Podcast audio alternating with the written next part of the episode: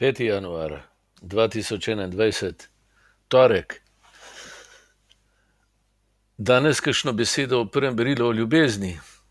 Ta eh, zlorabljena beseda, ki večini nič ne pomeni, ali pa si predstavljamo čustvo, ki mine, pa te podobe imamo osladne iz eh, raznih ameriških filmov.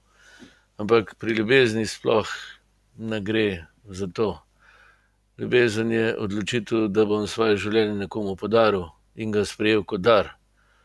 To je o tej ljubezni danes govori prvo berilo, Janez v prvem berilu. In eh, v tem je tudi bistvo nove zaveze. Bog nas ljubi, kako da nam vse podarja, tudi sebe. In to ljubezen moramo dati naprej, ne jo hraniti za sebe. Ljubljen sem zato, da to ljubezen delim naprej da svoje življenje razdelim in podarim vam. Tako eh, ljubezen raste.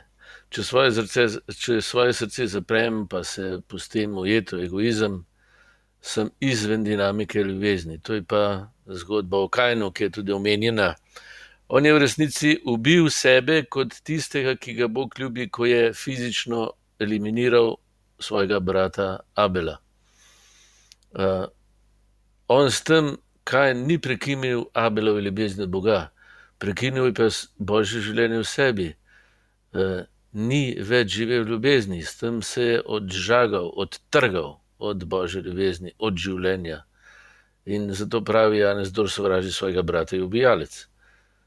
In noben morilec, pa ubijalec, nima v sebi večnega življenja. Se pravi, vedno, ko me sebično zmuči, pa se ji prepuščam, sem kot ubijalec brez življenja, ker nikomor ne podarjam tega, kar sem prijel kot dar. Torej, če povzamemo, eh, mi običajno mislimo, Bog je dal življenje za nas, zato moramo tudi mi dati za njega. Kaj pa pravi Sveti Duh po Janezu? Za svoje brate, svojim bratom in sestram, ne za njim, svojim bratom in sestram, tako ga damo za njim. Božja ljubezen, ki je Kristusa obudila od mrtvih, se plodi in množi, množi tako, da jo živim, ko sem jo sprejel, v konkretnih dejanjih in odnosu do vas. To gre pa počasi in je življenjska šola, na kateri smo skupaj na poti in lahko zajemamo iz moči njegove besede in njegovega duha, ki nas dojde po cerkvi. Ne...